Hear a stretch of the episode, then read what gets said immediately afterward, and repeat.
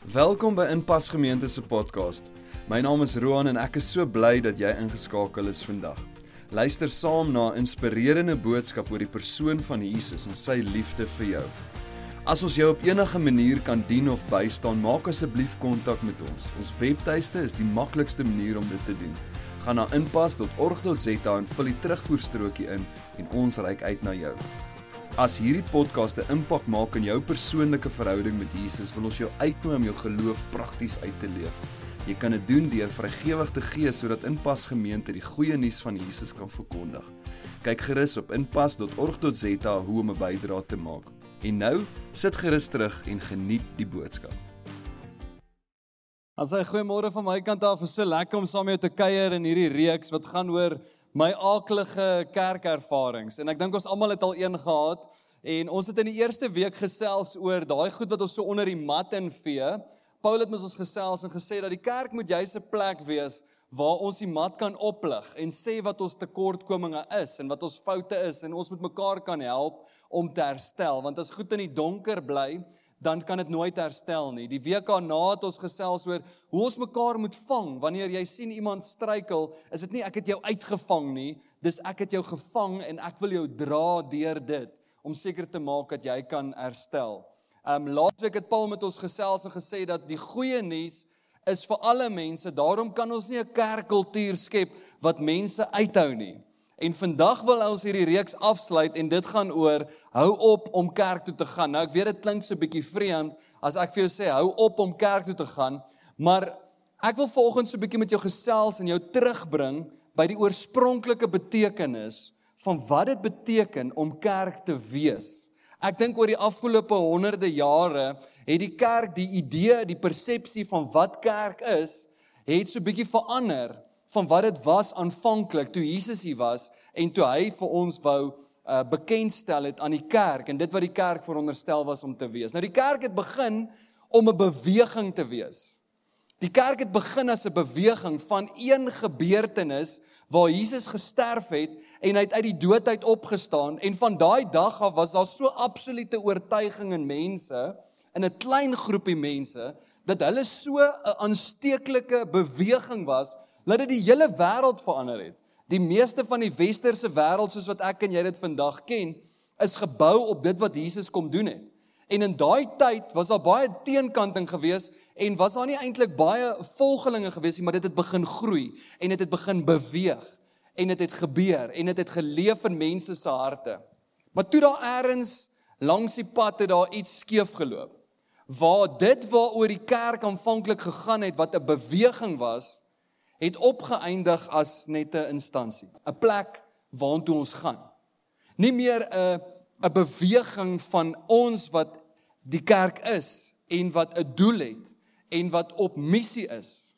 'n uh, gesamentlik op missie is ergens heen nie. So vir oggend die doel met vir oggend se boodskap is om jou hopelik weer terug te bring by die aanvanklike idee wat die, wat binne in Jesus was wat binne in die eerste gelowiges was toe dit gekom het by kerk. Wat was kerk gewees toe Jesus hier was en hy vir die disippels die taak gegee het om hierdie goeie nuus te deel. En ek hoop jy kan vandag ook verstaan waar pas jy in. Oor hoeveel honderde duisend 2000 jaar later is die is die kerk steeds aan die beweeg. En mag ek en jy in 'n pas gemeente, mag ek en jy deel wees van die beweging van wat dit beteken om kerk te wees. So, ehm um, die Griekse woordjie wat aanvanklik gebruik is wat Jesus gebruik het en die disippels gebruik het, dis ekklesia. Jy het dalk al hierdie woord gehoor. Party mense sê ekklesia of wat ook al, maar dis ekklesia. Die ekklesia beteken 'n gemeente. Jy kan so eenetjie teruggaan Chris. Dit beteken 'n gemeente of 'n byeenkoms. Dis wat ekklesia aanvanklik beteken het. Die Griekse woord het beteken dat dit is 'n beweging van 'n familie wat 'n gesamentlike doel in oog het. En dis wat eklesia aanvanklik beteken het. Maar toe daar met tyd iets slegs gebeur. Met tyd het dit gebeur dat dit nie meer 'n beweging is van 'n samekoms van mense wat 'n doel het voor oë nie, maar dit het omgeskakel, afgewater geraak na 'n plek waartoe ek en jy gaan. Na 'n instansie toe. Dit het dit in plaas daarvan dat dit 'n 'n beweging van 'n groep mense is wat 'n visie in hulle hart het om die goeie nuus te deel met ander mense, het daar iets in die middeleeue gebeur dat dit was 'n magspeletjie waar die priesters en waar die kerkleiers eintlik die hele kerk ding gemanipuleer het, laat dit uiteindelik net was om mense te manipuleer met hulle politieke oortuigings of met hulle agendas. Iets slegs het gebeur in hierdie middeleeue en dit het die denkwyse rondom hierdie een term kerk vir mense verander. So by so dat ek en jy vandag hier sit en dit wat hulle gedraai het daar in die middeleeue rondom hierdie term kerk het ook gedraai binne in my en jou. Dat ek en jy vandag glo dat kerk is 'n plek waartoe ons gaan en nie meer 'n beweging waarvan ons deel is nie. So die manier hoe ons praat oor kerk is ook so. Ons sal sê gaan ons nou hierdie week kerk toe. Ons vergeet dat ons is die kerk. Ons vergeet dat ons 'n familie is wat op 'n missie is. En ons woorde verklap eintlik dat ons ook verval het binne in hierdie leuen dat die kerk 'n plek is waartoe ons moet gaan in plaas van 'n familie en 'n beweging en 'n visie waarvan ek en jy deel is en om dit uit te leef. So wat gebeur het is so 300 jaar na Christus was daar 'n klomp goths gewees. Nou dis nou nie die goths op hoërskool nou wat jy weet, hulle naalswart verf en so nie, soos wat ek en jy nou dink aan goths. O, hy's bietjie goth daai ou of sy's bietjie goth. Nee, die goths daai tyd 300 jaar na Christus was eintlik hierso amper naby aan Duitsland. Hulle het ook Duits gepraat, maar hulle het hierdie woordjie vertaal ekklesia het hulle in Duits oorvertaal kirche. Ek hoop ek spreek dit reg uit in Duits. Miskien is daar iemand wat my kan reghelp. Maar dis waar ek en jy die woord vandag kry, kerk of dan nou die Engelse woord church. Dit het 'n anglisisme geword. Dis hoe hulle dit vertaal het. Wel hulle het eintlik soort van verkeerd vertaal want hulle het dit afgewater na 'n plek waartoe mense sou gaan. En dit het vir altyd vasgesteek in die mense se koppe dat kerk, hierdie woord kerk is wegbeweeg van eklesia van 'n gemeente of 'n byeenkoms of 'n beweging van mense en dit het, het absoluut begin gaan oor 'n plek en 'n gebou waartoe ek en jy gaan. 300 jaar na Christus het hulle hierdie hele beweging en die visie het eintlik so 'n bietjie afgewater geraak tot op die plek waar dit gegaan het in plaas daarvan 'n hart vir ander mense dit gaan oor posisie en dit gaan oor mag en ons almal weet hoe dit uitgespeel het verder. Vandag as ons terugkyk daarna, lyk dit vir ons effens oneties. Ons kyk terug daarna en ons dink eers die kerk in die middeleeue droog gemaak. Hoe kon hulle dit toegelaat het? Maar julle dan gebeur daar iets moois. 1500 jaar na Christus kom William Tyndale en jy dalk al gehoor van hom. Sy van is dalk net so moes eintlik Dale gewees het, maar hulle het hom Tyndale gemaak. Maar hy was 'n Engelse professor. Hy was goed in tale gewees en hy maak dit sy lewe se doel om die Bybel oor te vertaal na Engels toe. Sodat die gewone man op straat die Bybel, dit wat ek en jy vandag van selfsprekend aanvaar, dat ek en jy die Bybel kan vat en vir onsself besluit wat daar staan is so van selfsprekend vandag. Maar 1500 jaar na Christus het die kerk absoluut mag gehad en die priesters het alles beheer en kontrol. En hulle het besluit wat staan daar in Grieks. Hulle sou dit in die in die uh, kerk voorlees en hulle sou dit verduidelik het en oorvertaal het, maar die gewone man op straat kon nooit verstaan wat wat hierdie Grieks beteken nie. En dis waar William Tyndale inkom. William Tyndale het dit sy sy missie gemaak dat selfs die jong seun wat die ploegskare trek, dat hy sal verstaan wat in hierdie woord staan en dat hy dit sal kan interpreteer en dat hy verstaan wat God se woord is. Maar natuurlik was William Tyndale se lewe nou in gevaar gewees en hy moes vlug al die pad tot in Duitsland waar hy toe nou goed bevriend geraak het met 'n baie bekende ou wat ons Ek weet nie of ons hom vandag ken nie, maar dis Johannes Gutenberg. Dis die groot Gutenberg revolusie wat begin het, die drukpers wat begin het. En een van die grootste dokumente wat op groot skaal geprint is daai tyd was die Bybel gewees. En Gutenberg het hierdie ding begin in 'n proses sit om dit te begin druk in Engels, in mense se se taal waarin hulle groot geword het om dit te verstaan. So kom daar 'n baie goeie vriend ook van Tyndale en hy sê vir die leiers waar Tyndale is en Tyndale word gevang en hy's uiteindelik is hy doodgemaak vir dit wat hy gedoen het. Uiteindelik het hy sy lewe verloor as gevolg van dit wat hy gedoen het. Maar die goeie nuus is ten spyte van die feit dat William Tyndale sy lewe tragies verloor het, is dit vir altyd verander. Die goeie nuus is nou beskikbaar in mense se eie huistaal. So die jong seun wat die ploegskare trek en wat boer, hy kan nou verstaan wat staan in hierdie Bybel, wat staan in hierdie woord. En ons almal weet die geskiedenis van daai dag af is heeltemal anders. Die kerk het nie meer die groot mag en die beheer gehad en die politieke mag gehad wat hulle destyds gehad het nie. En William Tyndale het dit alles verander. Nou daar's een woordjie wat ek jou na toe wil vat vandag wat William Tyndale vertaal het en dit het baie verander. Dit het baie verander in die perspektief en dit moet baie verander in die perspektief van my en jou. En dis hierdie woordjie eklesia wat hy vertaal het na 'n byeenkoms toe. Wat hy vertaal het in plaas van na 'n gebou, 'n plek waartoe ons gaan, na ons is eklesia. Ek en jy is die familie, die die beweging, die visie van God wat besig is om te beweeg. So ek wil jou vandag hierdie beginsel leer en dit sê dat die kerk is nie 'n bestemming nie. Die kerk moet nooit 'n bestemming, 'n plek wees waartoe ek en jy gaan nie. Die kerk is nog altyd veronderstel om 'n beweging te wees. Dit wat Jesus kom doen het en sy disippels oorgegee het, het beweeg en dit het, het gegroei en dit het, het tot daai tyd tot binne in my en jou hart 'n verskil kom maak. En mag ek en jy nooit settle vir die feit dat die kerk is nie 'n bestemming, nie 'n gebou, nie 'n net 'n organisasie nie. Die kerk is 'n beweging van mense van ek en jy wat die visie in ons harte dra en wat dit moet aangee na die volgende generasie. Dis so hierdie woordjie eklesia kom kom voor in die baie bekende gedeelte waar Jesus met sy disippels praat en hy vra vir sy disippels, "Maar wie sê julle is ek?" En Petrus antwoord soos ouer gewoonte is hy voor in die koor en hy sê, "Maar party sê jy's Elia of Johannes die Doper." En Jesus sê dan vir hom hierdie woorde, sê vir hom, Salig is jy Simon Barjona, want vlees en bloed het dit nie aan jou geopenbaar nie, maar my Vader wat in die hemel is. En ek sê vir jou, hier's die baie bekende gedeelte wat ek en jy ken vandag.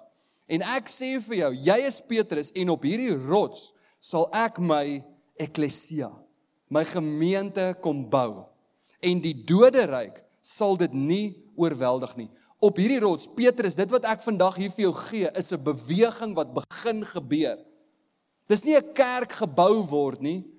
Dis 'n gemeente wat begin gebou word en beweeg. Dis 'n samekoms, dis 'n byeenkoms, dis 'n familie met 'n missie. Dis 'n familie met 'n missie. En dis wat eklesia was. En Tyndale het hierdie woord vir altyd anders vertaal. Soos ek en jy die ou vertaling oopmaak, kan staan daar gemeente. Vir altyd sal dit En dit sê verder, dit sê in die doderyk sal dit nie oorweldig nie. Weet jy hoeveel mense het al probeer om die kerk te stop? Om Jesus se boodskap in die evangelie te stop? Soveel mense oor die duisende jare het probeer om hierdie evangelie, hierdie goeie nuus te stop. Maar die poorte van die doderyk sal dit nie oorweldig nie. Hier sit ek en jy vandag en ek en jy is 'n resultaat daarvan.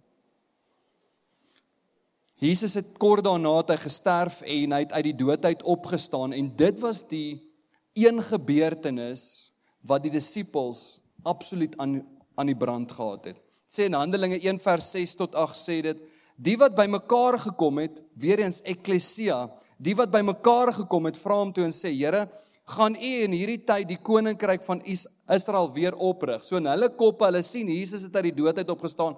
Hulle dink so gaan Jesus nou die koning word van Israel. Is dit wat nou hier gaan gebeur? Hulle hulle verstaan nog nie lekker nie. Nadat Jesus uit die dood uit opgestaan het, verstaan hulle nog steeds nie wat Jesus kom doen het nie. En hy antwoord hulle en sê: "Dit kom julle nie toe om die tye of die geleentheid te weet wat die Vader deur my eie mag bepaal het nie, maar julle sal krag ontvang." Dis ons sleutelwoord. Julle sal krag ontvang wanneer die Heilige Gees oor julle kom en julle sal my getuies wees in Jerusalem, sowel as die hele Judea en Samaria en tot aan die uiterstes van die aarde. Julle sal krag ontvang om my getuies te wees. Julle dis wat eklesia beteken.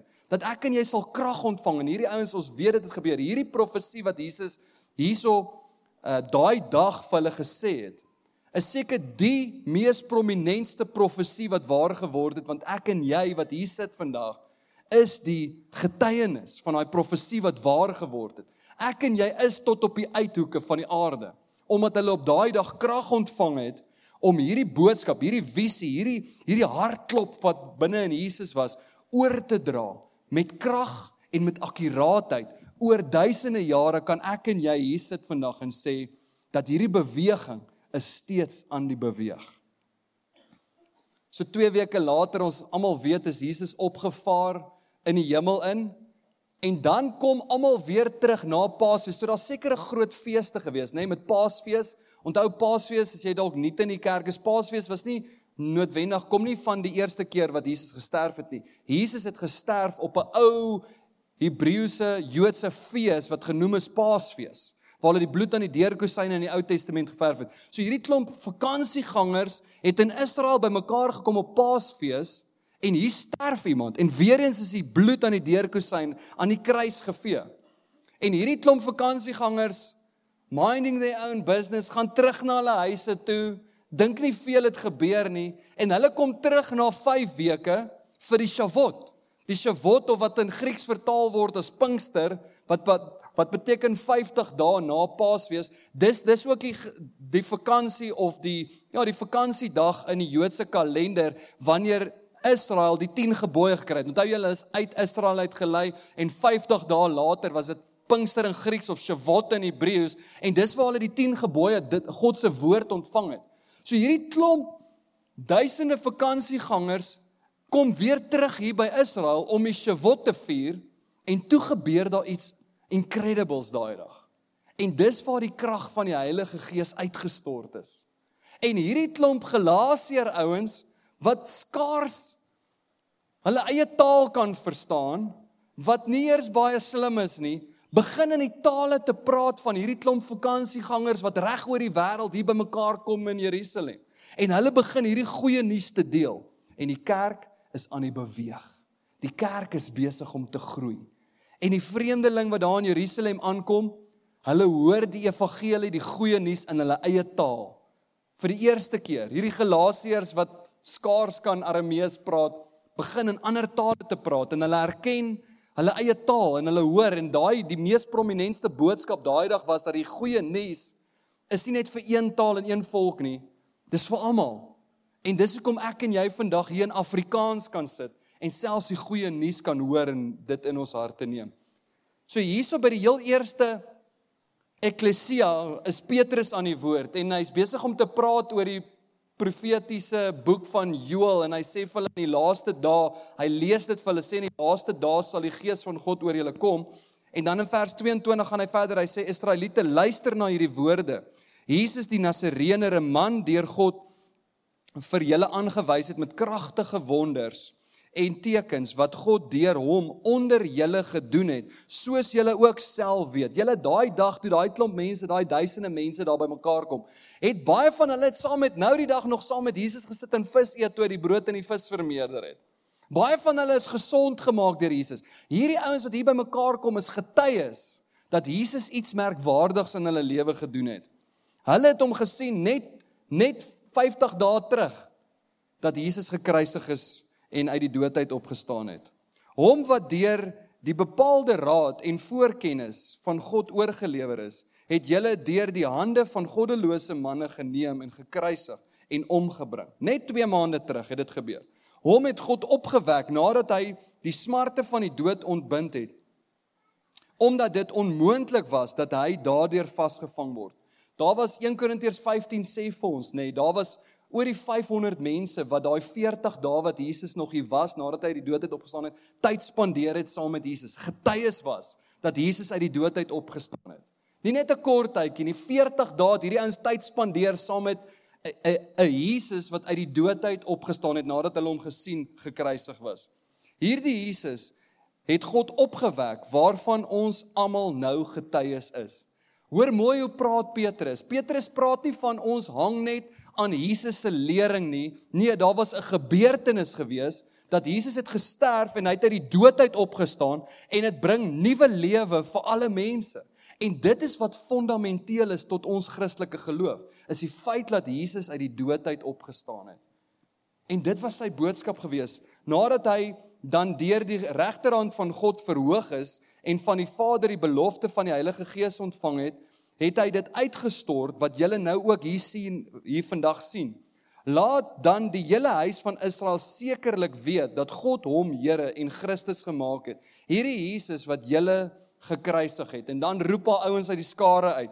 Toe hulle dit hoor, is hulle diep geraak hierdeur diep geraak hier 'n diep getref in hulle harte hierdeur en vir vir Petrus en vir die ander apostels gesê wat moet ons doen broers wat moet ons doen hoe moet ons reageer wat kan ons nou doen en Petrus sê vir hulle gaan elke sonderdag kerk toe wel dis nie wat die teks sê nie maar dis wat ons dink daar staan dis wat ons dink van daai dag af het hulle maar net na geboue toe gegaan elke sonderdag ja ek weet nou nie hierdie week is nou nie veel om te doen nie gaan nou maar 'n bietjie kerk toe nê? Nee? Gaan ons kerk toe hierdie week. Dis hoe ons praat oor kerk. Ja, ons moet 'n bietjie lanklaas daar.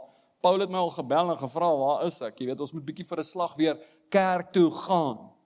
Ons is die kerk. Ons gaan as ons gaan gaan die kerk. Kerk is nie 'n gebou nie en dis nie wat Petrus vir hulle geantwoord het nie. Julle die eerste ervaring van hierdie eerste gelowiges was nie 'n gebou nie. Was nie 'n band en 'n verhoog met ligte en fancy goeders nie. Dit was 'n boodskap gewees. Dit was 'n beweging gewees. Dit was iets wat in hulle harte gebeur het wat hulle wou oordra aan ander mense en wat hulle wou deel met ander mense. Ons dink aan kerk vandag as 'n gebou, 'n plek waartoe ons gaan. Hier's wat Petrus regtig gesê het. Hy sê bekeer julle en laat elkeen van julle gedoop word in die naam van Jesus Christus tot vergifnis van julle sondes en julle sal die gawe van die Heilige Gees ontvang. Want die belofte kom julle toe en julle kinders en almal wat daar ver is. Wie is die mense wat daar ver is? Ek dink ek en jy. Ons is redelik ver. Ver in tyd, ver in plek en hier sit ek en jy vandag. En hierdie kom my en jou toe. Hierdie belofte, hierdie boodskap, hierdie beweging kan ek en jy vandag van deel wees. Soveel mense oor die jare, hulle het probeer om die kerk te stop. Het probeer om die kerk tot nul te maak. Om die evangelie af te water. Maar die poorte van die doderyk kon dit nooit regkry om die evangelie en die goeie nuus te stop nie. En die goeie nuus is steeds aan die beweeg deur my en jou. Nie deur 'n gebou nie, deur my en jou wat die eklesia is.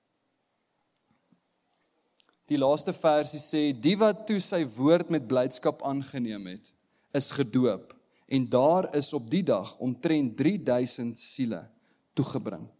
Daardie dag het daar 'n beweging begin wat die poorte van die doderyk nooit sal kan stop nie. Julle hier is die een ding wat ek en jy in elke kerk in gemeen het.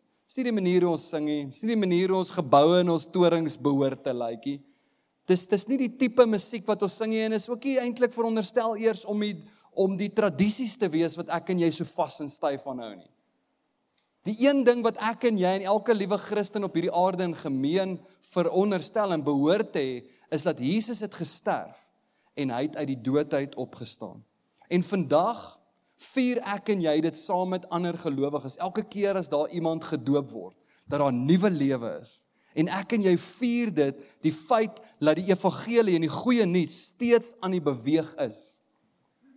Is dit nie kosbaar om te dink dat daar mense en helde was in die geskiedenis wat nie bereid was om net die evangelie te veraf te water na 'n gebou toe en net tevrede was dat dit 'n gebou is, dat kerke gebou is.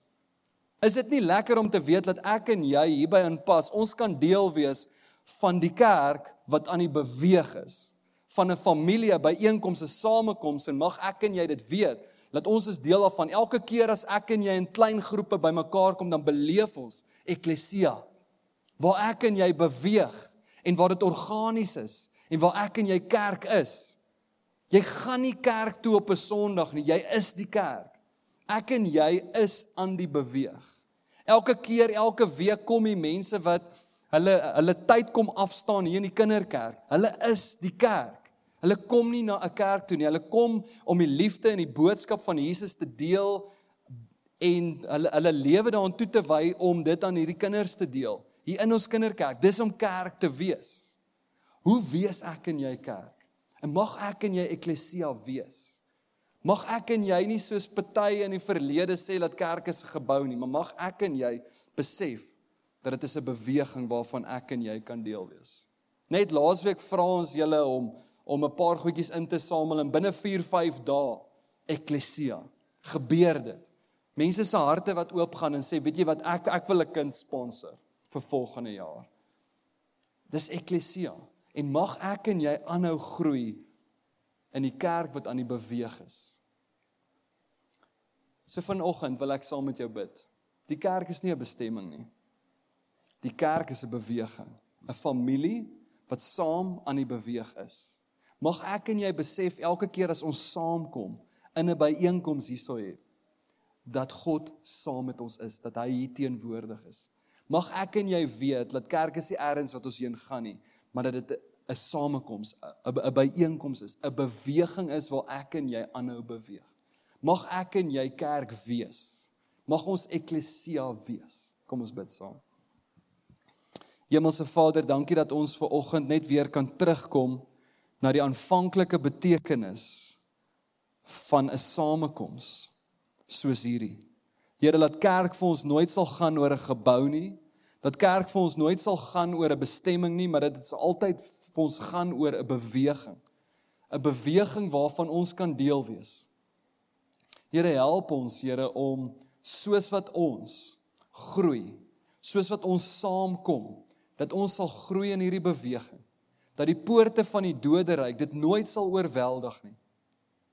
Maar Here laat u kerk sal aanhou groei van ons generasie tot die volgende generasie waar ons die stokkie ook moet oorgee aan 'n volgende generasie. Dat u goeie nuus Here aanhou sal beweeg en dat ons sal deel wees van die kerk wat beweeg eklesia. Ons kom eer U daarvoor in Jesus naam. Amen.